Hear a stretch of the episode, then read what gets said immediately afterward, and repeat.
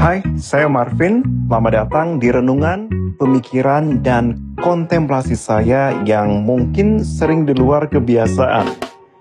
Mungkin saja apa yang saya pikirkan juga menjadi keresahan yang kamu rasakan selama ini. So, let's overthinking with me, Marvin Sulistyo.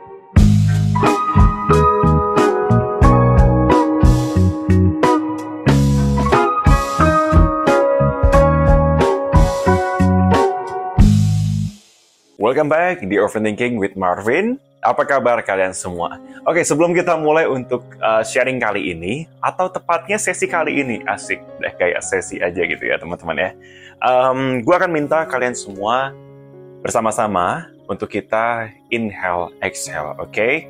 Jadi it's a part of meditation juga, tapi ini hanya sebagai bentuk kita untuk lebih tenang dan lebih netral dan mendengarkan apa pun. Oke, okay? let's start, oke? Okay? Jadi inhale, kita tarik nafas dan kita tahan di perut bagian bawah. Oke, okay, sampai kerasa perut bagian bawah itu kenceng. And then exhale. Oke, okay, inhale lagi.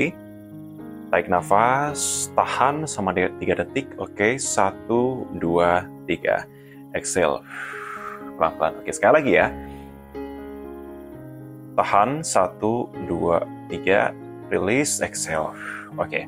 Kalian bisa ulangi lagi sampai kalian feel better. Kalau gue pribadi gue merasa lebih tenang ketika sudah menjalani inhale exhale seperti itu. Karena uh, ini ada part dari lebih tenang juga gitu dalam menerima segala hal. Karena again kita hidup di tengah-tengah dunia yang sangat dinamis. Dunia yang penuh dengan uh, world full of themselves. Yap dengan diri mereka sendiri dan itu merupakan hal yang sangat wajar karena kita saat ini berhadapan dengan banyak sekali orang-orang. Buat kita yang hidup di kota besar kita berhadapan dengan banyak sekali orang-orang yang memiliki ambisi untuk meraih karir lebih tinggi lagi untuk pembuktian kepada dirinya atau kepada orang lain karir lebih tinggi lagi untuk mendapatkan penghasilan agar bisa survive di ibu kota ataupun kota-kota besar, ataupun juga berkompetisi dengan dirinya sendiri. Kita nggak bisa melihat itu dalam satu hal aja karena kita akan melihat juga dengan berbagai macam hal terkait dengan situasi yang ada di sekitar kita. So, itu adalah hal yang sangat-sangat-sangat bisa kita pahami belakangan ini. Jadi ketika apa pun itu, terkait juga dengan postingan terakhir yang gue post di Instagram, di post terakhir gue, uh, mengatakan bahwa apa yang bisa kita lakukan adalah kita tetap fokus pada diri kita sendiri. Itu mungkin hal yang terdengar simple atau kerap kali gue bilang ya, tapi memang betul, kita memang hal lebih baik fokus pada diri kita sendiri untuk uh, lebih berfokus berkaca mengenai apa yang sudah kita lakukan, dibandingkan kita harus melihat apa yang orang lain lakukan gitu. Kenapa itu penting? Again, teman-teman, karena kita melihat bahwa di dunia saat ini kita berkompetisi. Berkompetisi untuk tetap hidup, berkompetisi untuk tetap bersinar, berkompetisi untuk tetap dianggap layak yang ada di society kita atau di lingkungan sekitar kita. Banyak sekali hal-hal yang dilakukan oleh society kita sehingga muncul di media sosial.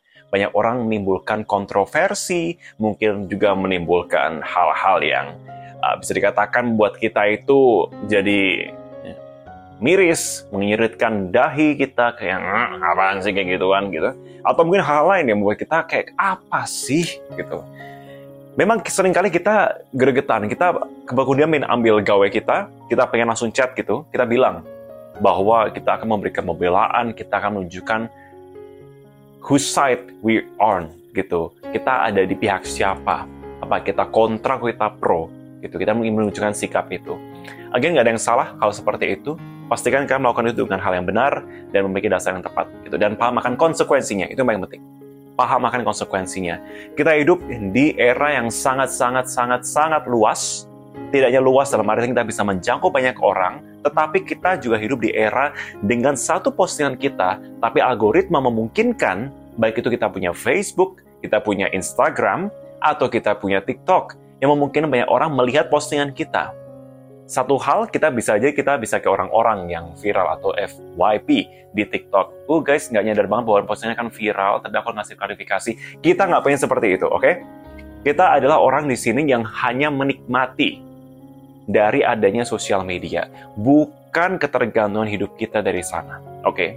kita lebih memahami bahwa kita hidup berdampingan dengan sosial media kita bisa berbuat hal yang lucu-lucu, kita bisa menjadikan itu sebagai hal yang menghibur, tapi kita tidak menjadikan itu sebagai bagian di mana ketika kita tidak bisa akses sosial media, maka kita akan die. Kita akan mati, gitu aja. Enggak. Kita punya kehidupan. Tapi kita sering lupa terkait dengan hal itu. Oke? Okay? Itu yang hal kita bisa lihat. Kemudian, hidup sewajarnya saja dengan menanggapi hal-hal yang sangat berisik di sekitar kita, di sosial media. Kalian bayangkan, gue bekerja di media, memungkinkan gue untuk melihat sekali isu-isu politik, isu-isu ekonomi sosial yang tengah berlangsung. Belum selesai itu keriuhan yang ada isu-isu tersebut disuruh buat gue klarifikasi. Eh, bukan untuk kita menggais informasi ataupun hal lainnya.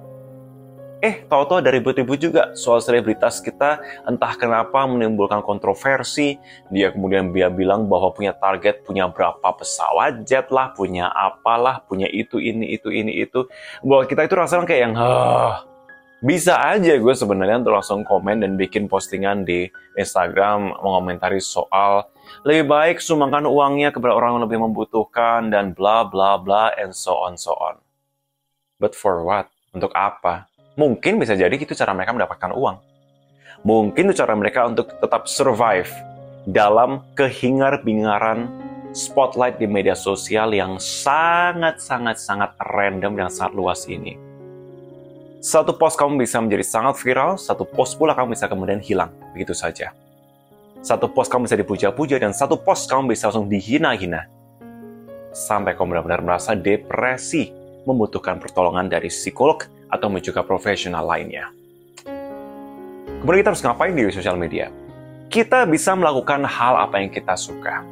Kita bisa posting hal-hal yang kita anggap sebagai hiburan, baik itu menghibur diri kita sendiri, menjadikan sosial media seperti Instagram adalah album foto kita, atau kita bisa menjadikan itu sebagai ajang kita untuk menampung kreativitas kita di sana. Ah, itu klise banget, Vin, sarannya. Betul klise kalau kita lihat, tetapi dengan era yang sudah semakin membuat orang ini semakin banyak yang mencari cara menghalalkan segala macam cara untuk tetap survive di kalangan sosial media ataupun juga di keriuhan sekitar kita, maka kita memerlukan hal-hal yang basic. Back to basic. Biarkan semua orang yang memang mengandalkan keriuhan sampai dengan dia harus menggapai cita-citanya menggunakan sosial media sampai ke atas awan, sampai ke mana pun itu, biarkan. Ia dengan targetnya sendiri. Apakah itu merugikan kita? Jikalau tidak, fokus pada diri kita sendiri. Dan kita nyaman dengan penggunaan sosial media kita hanya sebagai hal-hal basic saja, tapi kita merasa bahwa itu sudah cukup. Maka, itu yang kita perlukan. Perasaan cukup kita tidak pernah merasa cukup. Itulah yang membuat banyak sekali orang mengais-ngais cara untuk bisa mendapatkan konten yang bermacam-macam. Hingga akhirnya membuat banyak sekali orang bereaksi di sana. Bisa positif, bisa negatif. Tapi apakah kita akan menjadi korban dari itu? Apakah kita akan ikut-ikutan dalam keriuhan itu? Jawabannya terserah kalian. Atau kita akan menjadikan lagi-lagi keriuhan yang ada itu hanya sebagai, oh kita sadar ada eksistensinya di sana. Kita sadar bahwa ada hal seperti itu, kemudian kita fokus lagi kepada keseharian kita. Bisa seperti itu. Ketika kita ingin mengambil langkah yang besar, maka kita harus paham pula konsekuensinya. Ketika kita menjadi viral, banyak sekali orang yang akhirnya mengomentari kita. Kita kemudian menjadi kesal dan kita akhirnya membuat video. Gue nggak tahu kenapa ya orang-orang pada komentar negatif soal ini. Kan hal baik dan lain-lain. Kenapa masih ada banget sih orang yang komentar negatif soal ini? Gue nggak bisa komentar banyak soal ini teman-teman, karena ketika kita viral, maka exposure kita semakin besar. Semakin banyak pula komentar yang akan berkumpul, semakin banyak pula bibit-bibit negatif muncul, bibit positif yang juga muncul. Makin banyak orang yang concern. That's the consequence. Oke? Okay? Marvin apakah pernah merasakan seperti itu? Pernah, beberapa kali dalam segi profesional, pekerjaan, ataupun juga keseharian. Banyak orang berkomentar yang mengkritisi, yes, tapi apakah saya marah? Tidak. Percuma. Dulu pernah merasa marah. Tapi kemudian lama-lama saya disadarkan dengan kemudian berbicara dengan banyak orang, dengan teman-teman yang juga lebih dewasa dalam memahami sosial media, yang mengatakan bahwa itulah konsekuensi dari viral. Oke, okay. itulah konsekuensi dari kita menjadi perbincangan orang-orang. Semakin banyak exposure yang dihasilkan, semakin beragam pula komentar yang dihasilkan. Kalau kita belum siap, jangan. Tetapi kalau kita sudah siap dengan konsekuensinya, silahkan.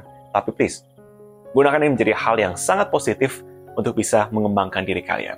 Oke, okay? and see you on the next episode.